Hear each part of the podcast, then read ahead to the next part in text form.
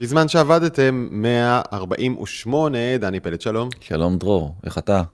אה, אין הרבה דברים טובים להגיד עכשיו, אה, תכף נספר לך איפה אני, אבל קודם אה, צריך להודות, התלבטנו אם לקיים בכלל את הפרק הזה, אם להקליט. בכל זאת אנחנו עוסקים בחדשנות ובטכנולוגיה וההשפעות שלהן, ולמי יש חשק לשמוע משהו שלא קשור ישירות למצב, אתה יודע, כולנו מסתובבים עם טעם של אפר בפה. ממש. ואין אין, אין חשק להרבה מאוד דברים שיש לנו בדרך כלל, אז באמת, מתוך תחושה של אובדן עצות, שאלנו את הקבוצה שלנו בפייסבוק, מה אתם רוצים? האם אתם רוצים בכלל פרק חדש או שיש לכם רק סבלנות לחדשות? או שאתם רוצים פרקים אבל בנושאים שקשורים למלחמה, או שאתם רוצים פרקים אסקפיסטיים לחלוטין בנושאים אחרים לגמרי, או שאתם רוצים להציע. והקשבנו לכל התשובות הרבות שקיבלנו, ונדמה לי שמצאנו דרך לרצות את כולם. לרצות את כולם זו מילה גדולה אבל אני חושב שאנחנו באמת okay. אוקיי. מנסים לקחת גם אה, נושא שהוא נוגע במלחמה גם מאוד נוגע בדברים שאנחנו מתעסקים בהם גם ככה ביום יום וגם באמת הרבה מאוד אנשים ממש ציינו באופן מפורש שהם אה, מעוניינים שניגע בכל הנושא הגדול הזה שנקרא פייק ניוז. אני חושב שיש איזה שימוש כל כך שגוי בכל אמצעי התקשורת גם בישראל וגם בעולם במושג הזה שנקרא פייק ניוז. כמה דוגמאות אולי הדוגמה הכי מפורסמת שנתייחס אליה בהרחבה זה הסיפור של ההפצצה שלא קרתה של הבית חולים בעזה סיפור אחר מפורסם שגם נעסוק בו זה כל מה שקשור עם הצילומי חדרי מדרגות שפה די שיגע את המדינה נדבר גם מעט מאוד על AI ועל השימוש ב-AI וכמה הוא מזיק אבל בעצם. אפשר להגיד שאפשר באמת לקטלג בצורה די ברורה את כל הסוגים השונים של הפייק ניוז. אני רוצה להביא לך איזשהו מחקר שמצאתי שנעשה אחרי הקוביד בעצם בקוביד הבינו שהשמועות כאילו רצות הרבה יותר מהר מכל מה שקרה עד עכשיו בהיסטוריה וניסו לחקור ויש כאן הרבה מאוד דברים שאפשר להשליך מכל תקופת הקורונה לאמונה שלנו בפייק. נדבר על ההשפעות המרחיקות לכת של הפייק ניוז וגם ננסה קצת אולי להאיר עם אה, פנס מי עומד מאחורי ההפצה הזאת זה גם כן מאוד מעניין ולא מדובר מספיק. גם ננסה בסוף לתת כלים אמנם הכי ראשונים ובסיסיים אבל בעצם איך אפשר להילחם בכל העולם הזה של הפייק ניוז. אולי צריך להגיד מילה, אני חושב שאנחנו מדברים על פייק ניוז, תכף נפרט, זה כולל הרבה מאוד דברים שונים בתוכו, אבל אני חושב שהעניין של הרבה מאוד אנשים בזה היא התחושה שסביבת המדיה שלהם משתנה. שהדברים שהם רגילים אליהם הם כבר לא אותו דבר, שהכל הרבה יותר מורכב, מסובך, קשה לזהות מי עומד מאחורי מה, אתה לא יודע למי להאמין. הדברים האלה נכונים כבר לא מעט שנים, אבל כל המחקרים, אלה שאתה מראה ואלה שאני מכיר, מראים שאנחנו הולכים ומקצינים, כלומר המצב הולך ונהיה הרבה יותר מסובך, והאמון של אנשים מתפוגג לפעמים בצדק ולפעמים לא, בקיצור הרבה יותר מבלבל, וסיטואציות כמו שאנחנו נמצאים בהן עכשיו, אנשים אומרים על מה להסתכל, נכון. למי להאמין, את מה לקרוא, כשאני חושד בכולם, ולצערנו במידה רבה של צדק. אז בואו נתחיל באמת מהסוגים השונים של אינפורמציות רעות שמסתובבות סביבנו, לא כל פייק זה פייק, יש סוגים שונים. נכון, בעולם המחקרי מחלקים את זה בעצם לשלוש קטגוריות עיקריות. הקטגוריה הראשונה נקראת misinformation שזה בעצם מידע שגוי disinformation שזה מידע מוטעה ו malinformation זה מידע מזיק. אנחנו נסביר על כל אחת מהקטגוריות. כל אחת מהן מטפלת בצורה אחרת בבעיית הפייק ניוז הכותרת הגדולה הזאת שאנחנו נותנים. אז בוא נתחיל במידע שגוי ב misinformation שההגדרה שלו המחקרית זה מידע מוטעה או שגוי שמתפשט ללא כוונה לפגוע או לרמות. אולי הדוגמה הכי מפורסמת זה באמת אה, דוגמת אה, חדרי המדרגות אבל זה לא הדוגמה היחידה במלחמה ממש על תחילתה התחילה תיאוריית קונספירציה שיש מרגלים אה, מבפנים שהם חייבים להיות מעורבים אחרת אין סיכוי. תיאוריה נוספת שראינו זה מחבלים טרוריסטים עם חולצות כחולות שמדברים עברית והייתה איזושהי מין תיאוריה שהתפתחה שהם משתפי פעולה מבפנים. כמובן תיאוריה שהופרכה גם על ידי השב"כ וגם על ידי משטרת ישראל. אבל בוא נחזור שנייה באמת לכל התיאוריות הבאמת מופרכות שהיו בימי הקורונה. והתפרסם מחקר ב-Nature Reviews שנקרא המניעים הפסיכולוגיים של אמונה במידע מוטעה וההתנגדות לקבל את תיקון הטעות. זאת אומרת, למה בעצם אנחנו כל כך ששים לקבל מידע מוטעה ולמה אנחנו מתקבעים במחשבה שלנו ולא מוכנים לקבל את זה שהמידע שאנחנו מתבססים עליו הוא מוטעה. אני רוצה שהמאזינות שלנו והמאזינים והצופים יחשבו רגע, כמה פעמים ראיתם בפייסבוק או בטוויטר, או סתם בשיחה ככה, שמישהו אומר לכם, וואלה, טעיתי, נכון, אתה צודק, מעכשיו אני אחשוב על זה אחרת. נכון? זה לא קורה. כלומר, גם כשאתה מציג לאנשים עובדות שסותרות לחלוטין את מה שהם חושבים או מאמינים, היכולת של אנשים לקבל שהעולם הוא אחר ולשנות את התפיסה שלהם, היא כמעט אפס. אנשים לא משנים את הדעות שלהם בגלל עובדות, ועכשיו בואו נחפור טיפה פנימה לזה, למה זה ככה? אני גם אתייחס לנקודה הספציפית שעכשיו העלית, כי היא חלק בעצם מאיך שהאלגוריתם בנוי גורם לך לראות הרבה יותר מידע שתומך במה שאתה אמרת, אבל תכף נגיע לזה.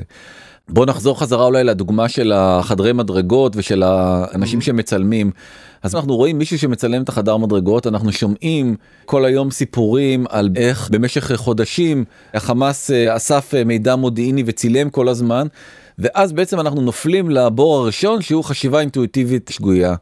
אנחנו רואים מישהו שנראה לנו חשוד מצלם מיד אנחנו חושבים אוקיי מדובר פה באיזשהו סיטואציה של אירוע פח"ע שמתבשל דבר ראשון דבר שני יש אה, המון כשלים קוגניטיביים שהמוח שלנו שהוא עוד פעם לא מדובר במחשב על.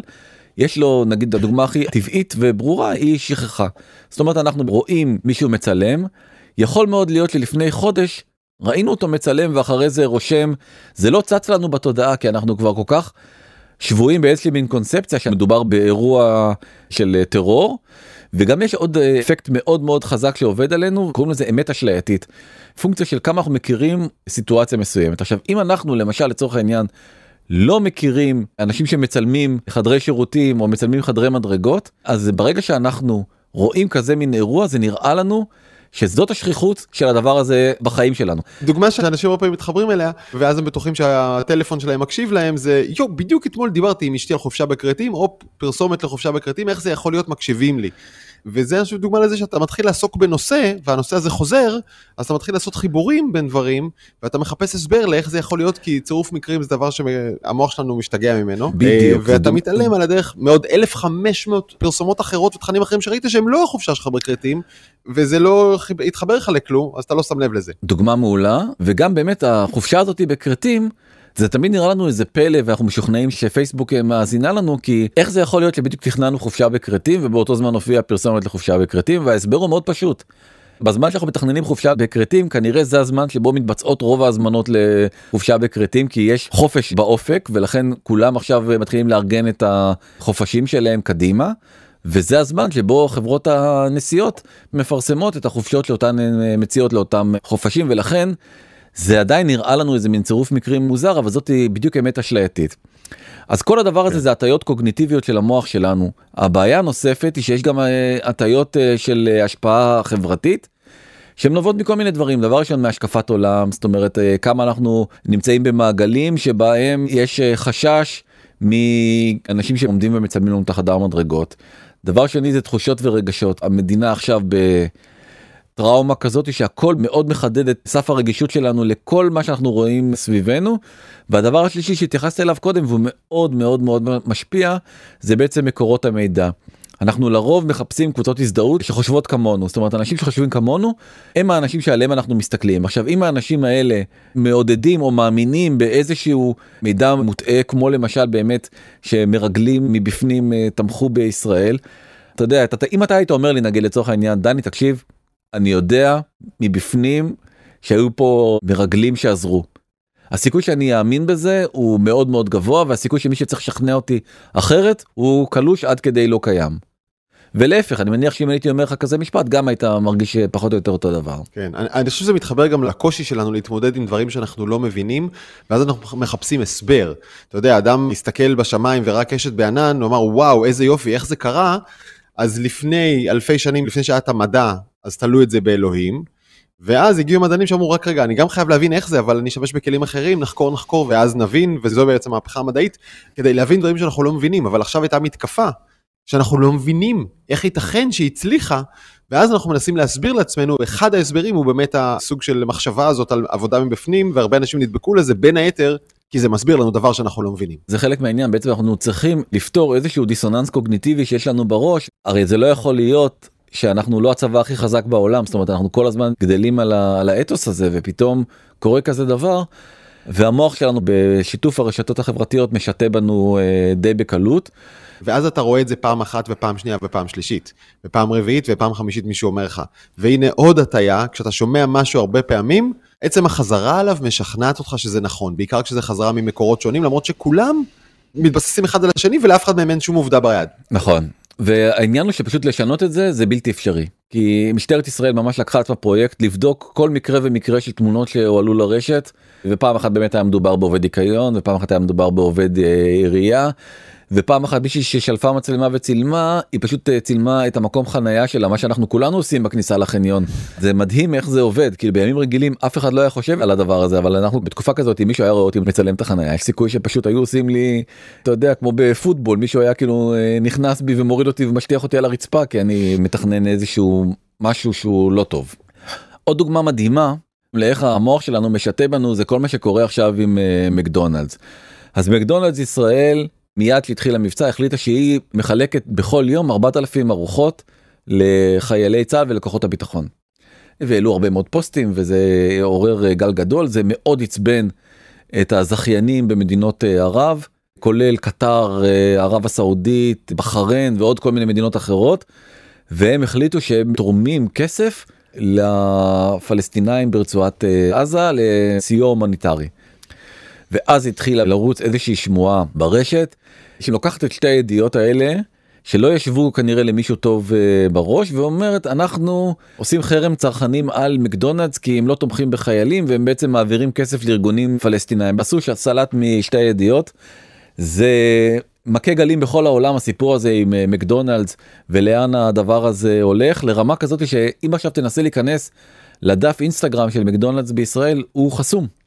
אנשים בלבלו בין אה, שתי ידיעות אה, שונות ויצרו את המצב הזה. השאלה היא האם עדיין מדובר במקרה של שגיאה תמימה שהובילה אנשים לפתח הרבה כעס ולהפיץ שטויות, אבל האם זו שגיאה תמימה בלי כוונה להטעות אף אחד, או שזה כבר מעביר אותנו ממיסאינפורמציה לדיסאינפורמציה, שזה שגיאה שהמטרה שלה היא להטעות מישהו אחר במכוון. נכון, אז אנחנו עכשיו נגיע לקטגוריה נוספת שקוראים לה מעל אינפורמציה, ומה זה מעל אינפורמציה? זה לוקח... היא הכי מרושעת. היא הכי מרושעת. אתה לוקח איזשהו מידע שמבוסס אה, על המציאות, אבל עושה לו, מסובב את הסיפור הזה כדי לפגוע בבן אדם. זאת אומרת, בניגוד לדיסאינפורמציה שבו אתה ממציא עובדות ומשקר, פה אתה לוקח את המידע הקיים ובעצם עושה לו מניפולציה המקרה המדהים הוא במקרה של יאיר גולן שהפך לאחד הגיבורים והסמלים של התקופה האחרונה ובטוויטר הופיעה כתבה שהסיפור של יאיר גולן ונועם טיבון עוד גיבור ישראל אחד הוא תמצית מדינת העלאווים שהתפתחה פה מגיע גנרל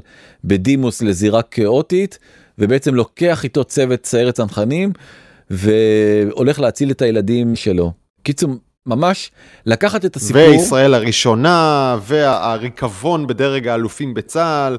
כן, בדיוק. לקחת סיפור אמיתי. כן, אנשים השתגעו מזה. פתאום מישהו לקח איזשהו סיפור, הרי אנשים בסוף קוראים רק כותרות, אף אחד לא באמת מתעמק במה היה הסיפור, כמה גיבור הוא היה. הייתה כתבה גם מדהימה באולפן אה, שישי האחרון של אילן לוקאץ', שמספר איך גם ישראל זיו וגם נועם טיבון חילצו פצועים אחרים כל הזמן ולא הגיעו למשפחות שלהם כי זה חלק ממה שהם אה, התחנכו עליו. כתבה מרגשת מאוד בדיוק ההפך מכל הטענות האלה אבל זה לא משנה את ההשמצה כבר נעשתה וכנראה שלמישהו יש איזשהו אינטרס להשמיץ הנה סיפור שמתפרסם השבוע. התפרסמה ידיעת אה, דיסאינפורמציה שכל אלה שקונים בשר אצל אה, דבח רשת סופרים אה, מאוד מצליחה בצפון הארץ שהבעלים שלה הם אה, ערביים ישראלים, תומכים בחמאס ומתנגדים לפעולות של צה"ל.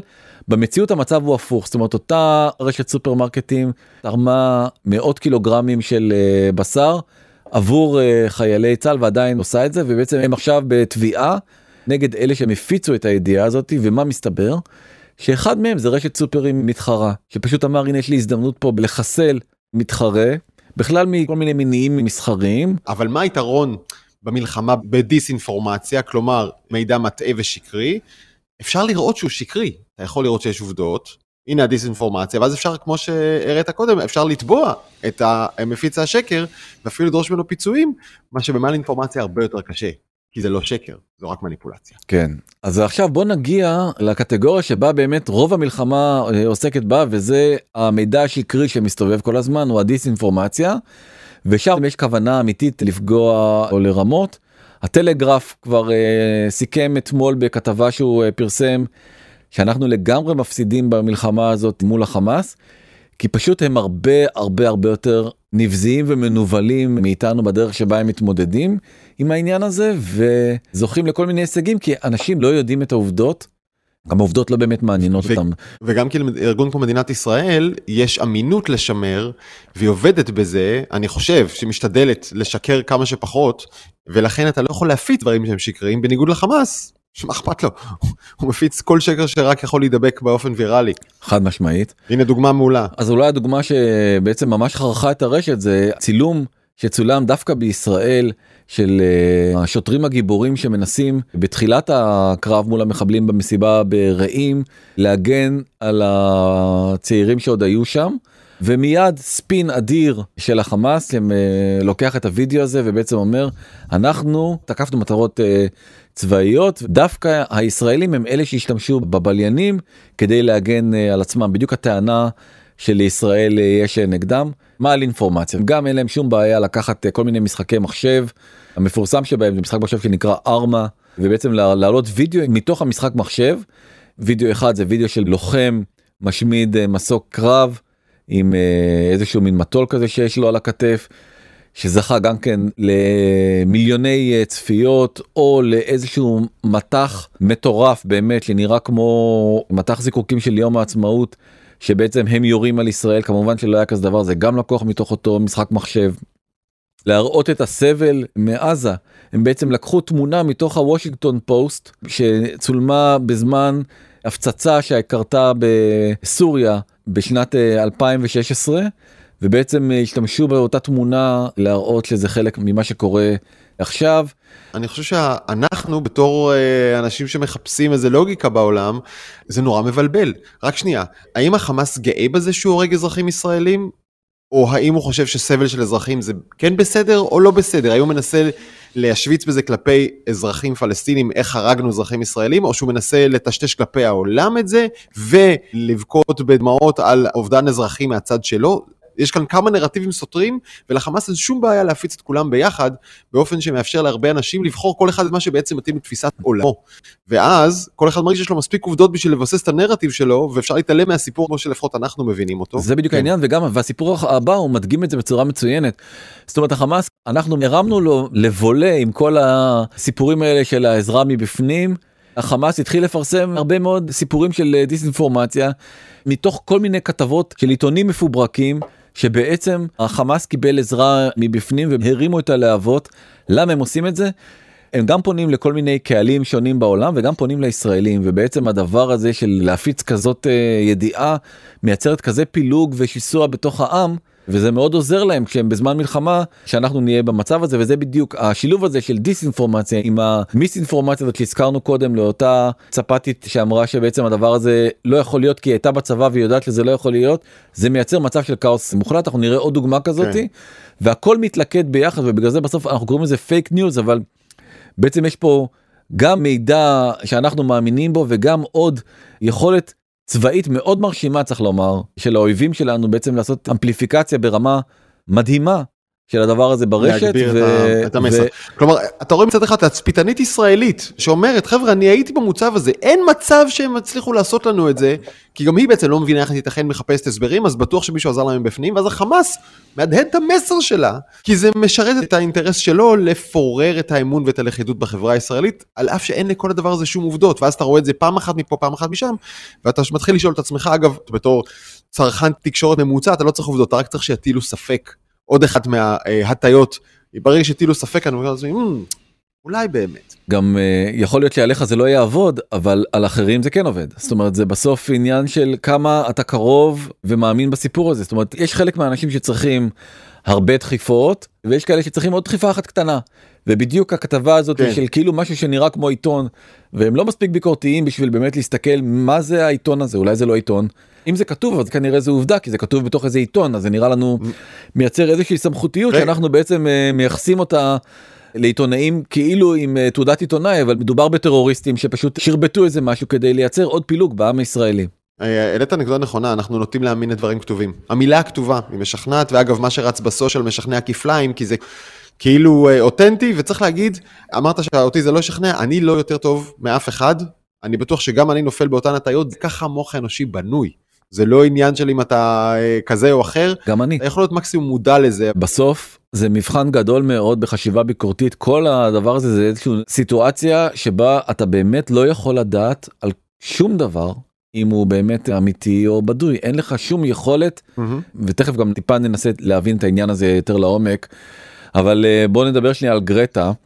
שזה די מדהים שמדינת ישראל גם מגיבה לדבר הזה באופן אה, רשמי אבל היא מפרסמת עם כמה חברות שלה כמה שלטים אה, אנחנו עומדים עם עזה חברה שלה אומרת היהודים עומדים לצד הפלסטינאים שחררו את פלסטין וכן הלאה וכן הלאה שלט מזעזע ברמות. שמאוד מאוד הכעיס את הישראלים שמיד העלו תמונות של עצמם עם קשים חד פעמיים כדי להרגיז אותה חזרה. אבל הדבר הזה לוקחים את זה באיראן או ברצועת עזה או אני לא יודע בדיוק איפה אולי ברוסיה. משנים את השלטים ומקצינים את זה לעוד הרבה הרבה יותר אני אוהבת את אייזיס וגרטה מחזיקה שלט אה, מוות לכל היהודים.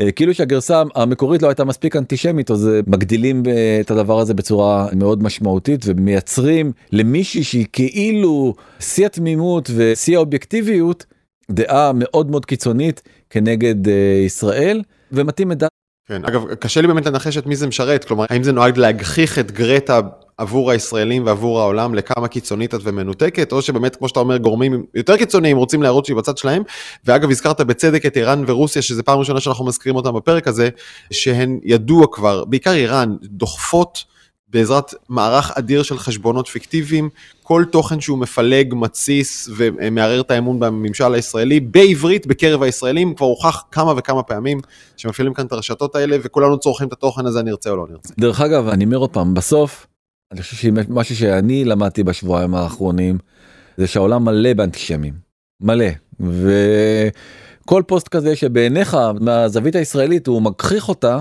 נותן המון לגיטימציה לכל מיני כאלה שלא בדיוק אה, מתים על העם היהודי להביע את מה שהם מרגישים. עוד דוגמה מדהימה זה שון קינג שלקח את השחרור של שתי החטופות הראשונות ששוחררו מישראל ובעצם אמר הנה הם תמכו ב-BDS בארגון שטוען שישראל מדינת אה, אפרטהייד שכובשת את השטחים הפלסטינאים ומנסה לייצר איזשהו חרם עולמי כנגד ישראל גם כלכלי וגם שאומנים שרוצים להגיע לארץ לא יגיעו לארץ מפעילה המון המון אה, לחץ.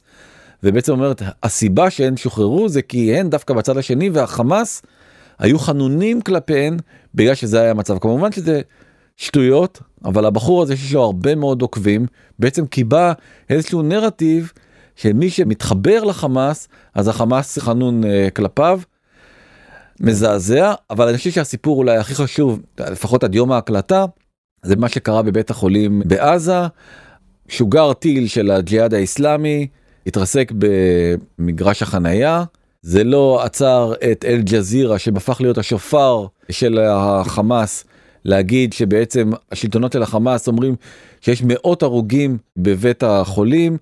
מיד הצבא של הסייבר של החמאס פרסם הודעה שקרית של צבא הגנה לישראל בערבית כאילו מטעם צה"ל שבעצם בגלל שאין לנו לישראל אין ציוד רפואי הפצצנו שם כדי לקבל את הציוד הרפואי גם ידיעה הזויה אבל לא משנה היא עדיין אה, יצרה הרבה מאוד רעש ובכל העולם התחילו לצטט את זה. זה בעצם אה, רשות השידור הקנדית עם ידיעה וכמובן ה-BBC כן והשלב הבא זה באמת ה-BBC מיד אחרי דקה הם עלו לאוויר והודיעו שהרגנו לפחות 500 אזרחים בתוך בית החולים שהופצץ. אף אחד לא ראה בכלל איפה זה קרה זאת אומרת uh, הכל זה על סמך שמועות ועוד פעם אנחנו מגיעים למצב שבו הדיסאינפורמציה פלוס המיסאינפורמציה מייצרים את הכאוס המוחלט. חייב להודות דני שכשהפצצה אה, נפלה בבית החולים במגרש החנייה והפלסטינים אמרו ש471 אנשים נהרגו שם. אני אמרתי לעצמי בשקט חתיכת מגרש חנייה עם 471 הרוגים, לפי הטענת החמאס, אם אני לא טועה זה היה המספר שהם פרסמו, ואז ראיתי איזה דיווח שאומר, שמקור מבפנים אומר לא לא, זה איפשהו בין 10 ל-50 אנשים שנהרגו בשיגור העצמי הזה של הג'יהאד האיסלאמי, מה שגורם לך אולי להטיל ספק בכל המספרים שיוצאים משם, אבל זה עניין אחר. אני מסכים איתך לגמרי, אבל העניין הוא שבעצם הנזק המטורף של הסיפור הזה כבר נעשה ובעצם הייתה אמורה להיות פה שביידן הגיע לארץ איזשהו מין אה, פסגה אזורית בירדן והיא בוטלה בגלל ההפצצה הזאת של הבית חולים שלא קרתה וכמובן שגם התחילו הפגנות בכל רחבי אירופה כנגד ישראל בגלל אותו סיפור זאת אומרת שעדיין דרך אגב לא שוכחות ממשהו שלא קרה זאת אומרת כמה ישראל היא אכזרית כי הנרטיב הזה של אנחנו מפציצים בתי חולים כבר התקבע. וזאת הסכנה הכי גדולה אז איפה בעיקר אנחנו יכולים למצוא את הפייק ניוז. שבועיים לפני אותה שבת נוראית של השביעי באוקטובר האיחוד האירופי הגיש דוח שבו הוא מספר שהמקום שיש בו הכי הרבה דיסאינפורמציה זה בטוויטר או איקס או איך שאתה לא רוצה לקרוא לזה זה הדוח הרשמי. והסיבה היא אותו מצב מטורף שבו אילון מאסק שינה את ההגדרות של מי יכול להיות חשבון שהוא מאומת וכל אחד יכול לקנות איזה חשבון אה, מאומת שהוא רוצה. בצד השני קלטו את הפוטנציאל האדיר של הדבר הזה. החמאס רכש הרבה מאוד חשבונות verified שכאלה שאתה יכול לקרוא להם איך שאתה רוצה ובעצם להפיץ את המידע. עכשיו למה מפיצים את המידע? כי מעט מאוד חשבונות יכולים לעשות נזק עצום.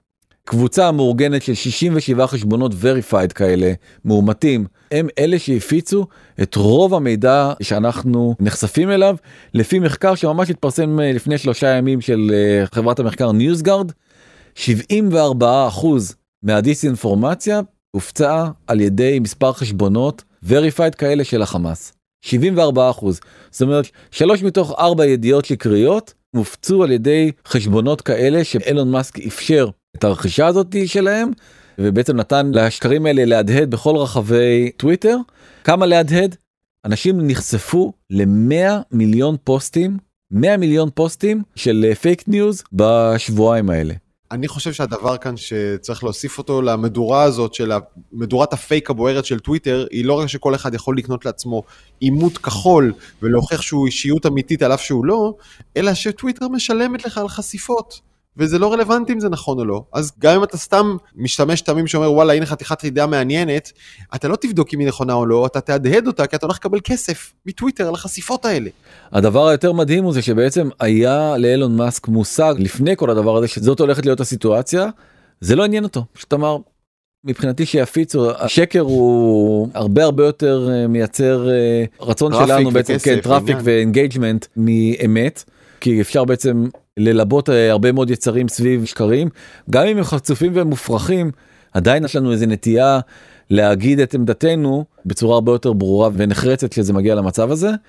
עוד דבר מדהים זה שאילון מאסק בעצמו הפנה לחשבון שמייצר המון פייק וגם אה, אנטישמיות ואמר שם אתם יכולים למצוא את המידע הכי אמין. בלי להתבייש הוא עשה את אחרי זה הוא מחק את הפוסט אבל זה כבר היה מאוחר מדי. מי שהיה ה whistleblower בכל התקופה הזאתי לאילון מאסק היה בחור יהודי שקוראים לו יואל רוס הוא בעצם היה אחראי על uh, כל הסייפטי בטוויטר. עוד הרבה לפני המלחמה קצה נפשו באילון מאסק ובטרלול שלו והוא התפטר והתפקיד הזה לא אויש אחרי התפטרותו ופשוט כל אחד יכול לעשות מה שהוא רוצה שם. זה מוביל אותי לנושא הבא שבעצם הוא מדבר על צנזורה או יותר נכון על אה, היעדר צנזורה. בטוויטר גם אין צנזורה. אז תכנים מאוד מאוד בוטים ומאוד קשים. כלומר אין סינון תכנים הכוונה. נכון. כן? היה אבל הוא צומצם כשאילו נכנס. ואם רוצים לקחת את זה עוד שלב אחד קדימה אפשר ללכת לרשת אה, טלגרם שם בכלל אין אה, סינון אה, תכנים. שם החמאס גם בטוויטר וגם בטלגרם חוגגים בפופולריות שלהם. האמריקאים אין להם שום פתרון לעניין הזה. אפשר להיחשף לזוועות שלא הייתה שום דרך בעולם של אתרים ולפני כל עניין הסושיאל מדיה והפלטפורמות המסג'ינג השונות להיחשף לתכנים האלה היום אנחנו נחשפים לתכנים הרבה הרבה הרבה יותר קשים הרבה פחות מבוקרים בלי צנזורה בלי רגולציה. חייב לומר לך אה, שאחרי שקראתי את הזוועות שהתרחשו בעוטף בטקסט והבנתי שהסרטונים האלה רצים בטלגרם אני מונע את עצמי בגדול מהמראות האלה. כי אני חושב שזה one way ticket כלומר ברגע שאתה חורט בתוך הזיכרון צילומי שלך את הדברים הנוראים האלה זה לא ילך. משם, ואני חושב שזה מידה הגיונית של באמת לשמור על עצמך, להבין מהטקסט מה קרה, להגיב, אבל אתה יודע, אתה לא צריך להוסיף לעצמך את הצלקת של לראות את זה, אבל הרבה אנשים, אני יודע, הולכים לטלגרם ורואים שם סרטונים קשים לאללה. אני, אני שהם לא פייק, איתך- הם פשוט קשים. אני מסכים איתך לחלוטין א' אתה גם לא יודע מה פייק ומה לא פייק ומה צולם במלחמה הזאת נכון. ומה צולם יש שם כל מיני צילומים של אה, פיצוצים שנעשו בפצצות זרחניות מתקופת המלחמה בסוריה. אבל אין הרי Mhm. תיארוך אז אתה אף פעם לא יודע באמת האם מה שאתה רואה הוא אמיתי או לא אמיתי. ופה אני מגיע לבעיית האמינות שאני חושב שהרשתות הגלובליות בעולם ובראשן ה-BBC וה... ניו יורק טיימס בעצם מי שהיו שני המגדלורים הכי חשובים של העיתונות האחראית והממוסדת קורסים. אפשר לראות את זה בכותרות של הניו יורק טיימס הכותרת על ההפצצה הזאת שהתחלפה שלוש פעמים בהתחלה אנחנו הפצצנו והרגנו מאות אחרי זה ההודעה הנוספת זה שבעצם אה, 500 מתו בהפצצה לא ברור איזה הפצצה ו500 מתו בבית חולים. ואחרי זה גם כן לא כתוב שום דבר על uh, תפקידנו. להפך אומרים שאנחנו לא ירינו וכן ירינו וזה. אף אחד לא לקח צעד רק אתמול בהודעה מאוד אה, מגומגמת הניו יורק טיימס הוציא הודעת מערכת התנצלות רשמית בפני מדינת ישראל על חוסר אחריות שלהם במלחמה הזאתי ובסיקור נכון, של שמע, ק- הכתבה. קראתי אגב את כל ההתנצלות הזאת, חיפשתי מישהו שיגיד, סליחה, טעינו, אין את זה שם. אין את המילים האלה, יש, אנחנו נקפיד, אנחנו משתדלים, אנחנו מתאמצים, נתאמץ, אבל אין מהניו יורק טיימס, שאני מאוד מכבד ומעריך אותו, אין שם אמירה ברורה, טעינו, והרבה כלי תקשורת נופלים בזה, אתה יודע, כי הם רצים לתת מהר את הכותרת. אמר מאוד מאוד יפה, נפתלי בנט למראיין של ה-BBC, אתה לא יכול לדווח את שני הצדדים כשמדובר בעניין עובדתי. זה לא או שיש גשם או אין גשם. לך תבדוק את האמת ותדווח את האמת על הפצצת אה, בית החולים, וגם כאן אתה רואה בניו יורק טיימס, הם לא מודיעים באופן ברור מי עשה את זה, אומרים, הפלסטינים אומרים את זה, הישראלים אומרים את זה, לא יודע, לא יודע. נכון אבל הם מיהרו מאוד להאשים אותנו ואחת הטענות הקשות כן, זו הגרסה המתוקנת שלהם, כן. זה שאנחנו לא יודעים, יש גרסאות שונות. ה-BBC סירב לקרוא לחמאס טרוריסטים. והטענה שלו הייתה זה שבעצם הם לא גוף שנמצא במקום שבו הוא שיפוטי לגבי מי טרוריסט ומי לא והם פשוט קוראים להם מיליציות. מיליציית החמאס. כאילו שזה גוף אה, כן גוף צבאי חמושים שזה פוצץ דרך אגב לא רק את הישראלים שזה ברור שזה אנחנו רואים בהם טרוריסטים חיות אדם לא יודע תבחר איזה כינוי שאתה רוצה. מה פתאום לקרוא להם מיליציה צבאית? ועכשיו הם החליטו באופן מקדמי גם כן השבוע בגלל לחץ אדיר עולמי להגיד כאלה שממשלת אנגליה קוראת להם טרוריסטים. הם לא אומרים אנחנו אומרים שהם טרוריסטים אומרים החמאס הגוף אותו ממשלת אנגליה מדובר על ה-BBC שהוא גוף ממשלתי אני מזכיר ממשלת אנגליה קוראים לו אה, טרוריסטים טרוריסטים זאת אומרת עדיין לא להגיד איזה בצורה התפתלות עלובה וניסיון, אה, אתה יודע, למצוא חן בעיני כולם ולא לקחת אחריות. טוב, לפחות ממשלת אנגליה עושה הדבר הנכון בהיבט הזה. ופה אני מתחבר לנקודה האולי הכי אה, משמעותית. ההתנהגות המביכה הזאת של אה, גופי התקשורת המסורתיים שבעצם לא מייצרת איזושהי קרדיביליות עודפת על פני כל מה שקורה בסושיאל. עם עוד איזה מחקר אחר שמצאתי דווקא מארצות הברית אבל אני חושב שהוא מאוד מייצג את מה שקורה בעולם ובו אתה יכול לראות שבעצם החדשות הארציות בארצות הברית בקהל צעיר מקבלות ציון של 56% מבחינת האמינות זאת אומרת 56% מהצעירים מגילאי 18 עד 29 מאמינים לחדשות הארציות. 50% מאמינים לתוכן שנמצא ברשתות החברתיות. זאת אומרת זה מאוד מאוד מאוד קרוב. ככל שאנחנו מתבגרים יותר זאת אומרת נגיד בגילאי 65 פלוס אז 67% מאמינים לחדשות הארציות בטלוויזיה או בניו יורק טיימס רק 20% מאמינים למה שקורה ב social media. אבל ככל שהגילאים נהיים צעירים יותר אנחנו יותר ויותר ויותר נעים לכיוון ה social media ופחות לכל מיני publisher ים ו outlet ים שהם יותר אה, פורמליים וממוסדים. האינסטינקט שלנו הוא להגיד מה קרה לכם מה אתם מקשיבים ל social media תקשיבו לארגוני חדשות רשמיים ורציניים אבל גם אנחנו הראינו כאן מספיק דוגמאות שבהם אתה יודע ממש לא ברור אצל מי נמצאת האמת. נכון אני אומר זה שבעצם הרשתות הכל זז נורא נורא מהר ואנחנו מקבלים דיווחים לפעמים מאנשים שאנחנו גם יודעים מי הם זה נותן לנו מין תחושה שיש יותר אמינות. ודרך אגב זה גורר את כל הגופים האלה לאיזשהו מין מרוץ כזה שבאמת לפרסם ידיעות שלא נבדקות מספיק. ובסוף מה שזה עושה זה שהם קוראים לעצמם את הקברים של עצמם כי הם נהיים לא אמינים ואז הם נתפסים כלא אמינים ואז עכשיו לדעתי לפני ואחרי המלחמה הזאת הניו יורק טיימס וה-BBC מבחינת האמינות של הציבור, בטח בהרבה מאוד קהלים אה, בעולם, נפגעה בצורה מהותית מאוד. כן. אז בוא נדבר שנייה על אה, מי מפיץ. דווקא אני אלך לכתבה של ה-BBC שחקר מי בעצם עומד מאחורי כל הדיסאינפורמציה הזאת והשנאה. הם שמו את עצמם ראשונים נכון? הם, אז זהו, את עצמם הם הוציאו, הם גילו אבל במחקר שהם עשו שרוב החשבונות נפתחו בפקיסטן או באיחוד האמירויות, מהמחקר שהם נשענים עליו של uh, חברה שנקראת סיאברה שהיא חברה ישראלית שנותנים דוגמה לאיזשהו משתמש שהעלה תקשיב טוב ביומיים 616 ציוצים לרשת uh, טוויטר. זאת אומרת שום בן אדם לא מעלה כל כך כזאת אה, זה ברור שיש כאן איזשהו מין מאמץ מלחמתי מרוכז אותם אנשים בדיוק אותם משתמשים הם לא אנשים קיימים כמובן העלו ציוצים בעד פוטין במלחמה עם אוקראינה ולפני זה בעד טראמפ בבחירות בארצות הברית. ואז זה גורם לך לחשוב mm. מעניין מאוד מי עומד מאחורי הדבר הזה. נעשה את זה פשוט יש מישהו יש גוף שפתח המון המון חשבונות והוא מוכר את השירות הזה אפשר להניח את זה גם כן או שזה אולי רוסיה כי כבר הוכח שמי שאיתה את הבחירות בארצות הברית זה היה בקבוצות סייבר ממשלתיות רוסיות מי יהיה בעד פוטין אם לא הרוסים בעצמם. ופה אני לא יודע להגיד מה בדיוק האינטרס שלהם עד הסוף אבל יהיו כאלה שיגידו לך שיש להם אינטרס גם גדול מאוד בלייצר פה איזשהו מין אה, פילוג וסכסוך. בטח כשחלק מהאויבים שלנו נשענים על תמיכה וכלי נשק אה, רוסיים.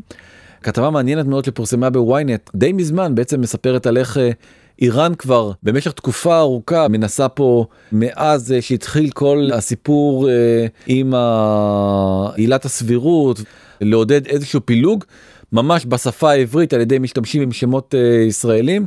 ולעזור לדבר הזה לקרות היא גם כן פה קופצת למסיבה דוגמה שבעצם בפייק ריפורטר uh, הראו בסוף שבוע זה אם תנסו לכתוב בטוויטר הבעיה הגדולה היא ביבי תראו המון המון המון משתמשים שבדיוק כותבים את אותו משפט בעצמו צבא ענק של בוטים שבעצם מנסים לייצר פה פילוג בתוך העם. אז איך נלחמים? כן. דבר ראשון אנחנו צריכים פה להודות לרגולטור האירופי המאוד אה, חזק. תיארי ברטון שהוא בעצם אה, נציב האיחוד האירופי לתחום האינטרנט כתב מכתב מיד אחרי שהתחיל כל הסיפור הזה בישראל לאילון מאסק ואמר לו תשמע חייב להסביר לי איך אתה הולך להתמודד עם כל הפייק ניוז ברשת שלך. אילון מאסק ענה לו שיגיד לו איפה בדיוק הוא ראה פייק ניוז ויעביר לו רשימה. כמה ימים אחר כך כן משהו הזוי. כמה ימים אחר כך גם מכתב כזה מקבלים במטא ובטיק טוק. איך הם הולכים לטפל בכל הדיסאינפורמציה שהחמאס מפיץ. כתבה שהתפרסמה אתמול בוול סטריט ג'ורנל אומרים אנחנו במטא הם לא יודעים איך להתמודד עם הדיסאינפורמציה הזאת מכמה וכמה טעמים דבר ראשון הם מתקשים מאוד עם הדיאלקט הפלסטיני זאת אומרת הם לא מצליחים בעצם לסנן מילים בצורה מספיק טובה. גם עם העברית הם לא לגמרי מצטיינים יש גם ויכוחים בין הסניף הישראלי לסניף שיושב בדובאי למה זה דיסאינפורמציה ומה זה לא. עם כל הבעיות שציינו עד עכשיו על למה המוח האנושי פגיע כל כך לסוגים של מידע שגוי וזדוני ואיך האינטרנט מנצל את זה, השכבה השלישית היא העובדה שאנחנו מדינה קטנה עם שפה קטנה והעובדה שהרשתות החברתיות כמו פייסבוק ואחרות לא מתכוונות לשים פה עכשיו עשרת אלפים איש שיסננו את כל הפוסטים, הם מחפשים טכנולוגיה שתעשה את זה, אבל עם שפה קטנה זה עובד הרבה הרבה פחות טוב ולכן אנחנו נחשפים להמון המון מידע שגוי בטח בעברית ובערבית וזה בנוסף לכל שאר הבעיות. מה שמאוד אה, עומד לזכותנו בכל העניין הזה של האיחוד האירופי זה שברגע שעבר ה Digital Services Act אותו חוק שמכפיף את כל הגופים הבינלאומיים האלה שעובדים בתוך אירופה לאיזושהי חקיקה מאוד קשוחה אירופאית ולרגולציה מאוד קשוחה אירופאית. לתיארי ברטון יש שוט בידיים שמאוד מאיים גם על מטא גם על טיק טוק וגם על אה, טוויטר והוא אומר אני יכול לתת לכם קנס של עד 6% מההכנסות השנתיות שלכם. אף אחד כן. מהגופים האלה אה, לא הקפיטליזם בסוף מניע את העולם ויכול מאוד להיות שמשם תצמח לנו הישועה. צריך להגיד קנס של 6% מההכנסות זה קנס בעצם במיליארדי דולרים יכול להיות אפילו רבים בישראל אתה יודע מה הקנס על הפצת שקר? לא. זה באזור ה-25 אלף שקל, זה לא הוכחת נזק, 50 אלף שקל, בעולמות כאלה, לא שום דבר שרשת חברתית תקשיב לו בכלל. כן, אז יכול להיות שגם בישראל אנחנו צריכים ללמוד מהם ולקחת את הדירקטיבה הזאת ולהכיל אותה פה אה, בישראל, אבל הכנו איזשהו אה, מדריך. למה בעצם אנחנו כמשתמשים שגולשים אה, ברשת יכולים לעשות כדי להילחם בפייק ניוז. אז הנה כמה צעדים ששווה לכולם לזכור כדי להיות שחקן שמקדם אמת ולא לקדם שקר ונרטיבים שפוגעים בישראל. אז אחד, לקרוא בקפדנות את מה שאתם פוגשים, זה אומר כן לרדת לפרטים ככל יכולתכם, והכי חשוב להצליב מכמה מקורות שונים. אם לא פגשתם את זה בכמה מקורות שונים ואמינים, אל תתייחסו לזה ברצינות רבה. שנית, אתם רואים פוסט אנטי ישראלי, עדיף לא לענות בתוכו, לא לענות לו, כי אתם בעצם עוזרים לו להגביר את הווירליות. אתם עוזרים לטוויטר או אינסטגרם או טיק טוק או מי שלא יהיה, להבין, זה פוסט חשוב, בואו נראה אותו ליותר אנשים, אז לא לענות בפוסט משמיץ, לבדוק מי כתב את זה, זה יעזור לכם להבין מי הגוף, אם אתם לא מזהים, אז כנראה שיש לזה סיבה. פגשתם שקר, פגשתם השמצה, אפשר לדווח עליה. אה, אגב, אני עושה את זה אה, לא מעט בטוויטר, בטיק טוק, באינסטגרם, בפייסבוק, בכולם. אפשר לדווח על פייק ניוז, פשוט report. ואם אתם רוצים בכל זאת לשתף ידיעה שלילית ולהגיב אליה, אז צלמו מסך. ראיתם את הרבה אנשים אחרים עושים את זה, זה למה. לא לשתף את הפוסט הפוגעני בעיניכם, אלא רק לצלם מסך. ולהראות על מה אתם מדברים. וחוץ מכל הנקודות האלה באמת אנחנו גם יכולים לעזור בזה שנקדם אה, נרטיב הפוך את הנרטיב של הצד שלנו ולא נהדהד אה, סיפורים שלהם בהכחשה או בתגובה או מה שזה לא יהיה. וניקח לדוגמה את הסיפור של השוטרים והתמונה שבעצם החמאס אה, פרסם אנחנו יכולים להעלות את זה בעצמנו ולהגיד איזה אנשים אמיצים יש אצלנו במדינה איזה משטרה אמיצה שמחרפת את נפשה כדי להגן על הבליינים מול אה, מאות רבות של אה, טרוריסטים עם מטולים ומקלעים ומה שזה לא יהיה. ועוד בקשה קטנה ממש ממש ממש כדאי לעזוב את ה-AI בשלב הזה כל מיני תמונות של חיילים גיבורים שמג'ונרטות באמצעות AI בעצם מייצרות תחושה של פייק ברשת וזה לא עוזר ולא תורם להפך רק מוריד בעצם את האמינות אה, שלנו. והנה דוגמה שדווקא כן מאוד הצליחה לנו בהסברה שלנו בחור בשם אה, פאדי קוסגרייב שהוא בעצם המייסד של אולי הוועידת אה, אינטרנט הכי חשובה היום בעולם שנקראת ווב סאמיט כל החברות הגדולות משתתפות בה. בעצם אה, פרסם בטוויטר פוסט שאין לי מילה אחרת חוץ מאנטישמיות ואמר שפשעי מלחמה מתבצעים בשני הצדדים. אז אה, פדי היקר ישראל לא ביצעה שום אה, פשע מלחמה לא לפי אמנת ג'נבה ולא לפי שום קריטריון אחר ישראל הותקפה ואנשים בישראל פשוט השתגעו מהפוסט הזה בעיקר בעולם ההון סיכון שבו מדי שנה מגיעים לכנס הזה. והתחילו בסדרה של ביטולים ולחץ גדול על החברות הגדולות לא לעודד בעצם מסרים כאלה אנטישמיים. וחברה אחרי חברה אחרי חברה אינטל ומטא וגוגל ואמזון וסימנס ועוד הרבה מאוד חברות אחרות כולן החליטו שהן לא מודיעות. אפילו פרופסור סקוט גלווי שהוא אחד הנואמים המרכזיים ביטל את הגעתו לכנס הזה. הלחץ היה כל כך מסיבי וכל כך מדהים. בהתחלה הוא קצת גיחך על כל הביטולים של הפעילי ההייטק הישראלים ואמר שמעולם לא היו כל כך הרבה נרשמים ביום אחד כמו ביום של הביטולים אבל שלשום הוא הודיע שהוא מתפטר מהתפקיד שלו והוא לא חלק מהאירוע הזה יותר. ושהוא מצטער פרסם אה, פוסט אה, התנצלות שהוא לא הבין אה, בעצם מה הוא עשה וכן הלאה וכן הלאה. פוסט רפה כן הוא לא שינה את דעתו נגיד ככה הוא הבין שהוא עשה טעות פוליטית והוא הפסיד ממנה הרבה אבל אני לא חושב שהוא הבין לעומק את הטעות. כן אני חושב שאנחנו מגלים פה באמת לי הדבר שהכי מטלטל זה לגלות כמה באמת יש אנטישמיות עדיין בעולם וכמה הסברה שלנו שכרגע בסוף. אנשים פרטיים לוקחים את היוזמה בידיים ומפיצים את הבשורה הזאת של ההסברה הישראלית ועושים עבודה מדהימה. זה בדיוק מחבר אותי לפרויקט פה שעושים אה, במאקו. של אה, לקחת uh, קטעי וידאו בכל יום הם מעלים בין uh, ארבעה לשישה קטעי וידאו חדשים מנסים לספר את הסיפור של ההסברה הישראלית עבור דרך אגב אותם משתמשים זאת אומרת כל אחד יכול להיכנס בעצם לאתר של מאקו אנחנו גם ניתן בקבוצה שלנו כישורים לכל הדברים האלה ולהפיץ את התכנים שמספרים את הסיפור הישראלי, מסבירים טיפה בצורה יותר ברורה את הזווית שלנו בעניין הזה ואני חושב שלכל אחת ואחד מאיתנו יש אה, פה תפקיד חשוב בהסברה הזאת ואנחנו חייבים להצטרף ולעזור במאמץ המרוכז הזה. כן, אני חושב שהעבודה החשובה של מאקו כאן זה לתת לאנשים פשוט את הכלים ואת ה storytelling ואת הוידאו הערוך, פשוט שתפו את זה, זה מחכה לכם שם אה, מוכן. נכון. ישראל לא הוקמה כדי להיעלם, ישראל תחזיק מעמד ותפרח, היא תולדה של תקווה והבית של האמיצים, היא לא תישבר במצוקות, ואמות המוסר שלה לא ייפגעו גם בהצלחתה, היא נושאת את מגן הדמוקרטיה ומכבדת את חרב החירות. זה נשמע משפט של אה, דוד בן גוריון או אולי של אה, ג'ון ביידן אבל זה משפט של אה, ג'ון אף קנדי של JFK מלפני 50 שנה. מדהים א' איך האמריקאים כל כך הרבה שנים באמת תומכים בנו ועוזרים לנו זה באמת מחמם את הלב. אני חושב שאנחנו רואים את זה חזק מאוד בהתגייסות האדירה של עם ישראל. אני חושב שאתה ואני בטח רואים את זה הרבה בקהילת ההייטק, אלפי אנשים, לא פחות, אלפים רבים של אנשים תורמים מזמנם, לא, לא רק משלחים מזון ובגדים וציוד לחיילים, אלא גם ממש בונים מוצרים וטכנולוגיות, ואנחנו לא לבד. אמרתי לך שאני אגיד לך איפה אני, אז אני בלונדון. נתקענו בחו"ל כשכל הסיפור הזה התחיל, ועיכבנו בינתיים את החזרה, אבל אני כאן בלונדון, והקהילה היהודית, לא ראיתי התגייסות כזו ותרומה כזו בחיים שלי, למען אנשים שאתה לא מכיר, פשוט כי הם יהודים מישראל. וכנראה שיש לנו משהו גם מעבר לכל הפאשלות והביקורת וה... דברים שצריך לתקן, יש פה משהו יותר גדול מזה. כן, צריך לזכור מי בצד שלנו, ובאמת אם אתם אה, רוצים לכתוב לנו, אה, לדבר איתנו, אז אה, וואטסאפ 0376766012 או במייל בזמן את קשת מינוס טבעי נקודה קום.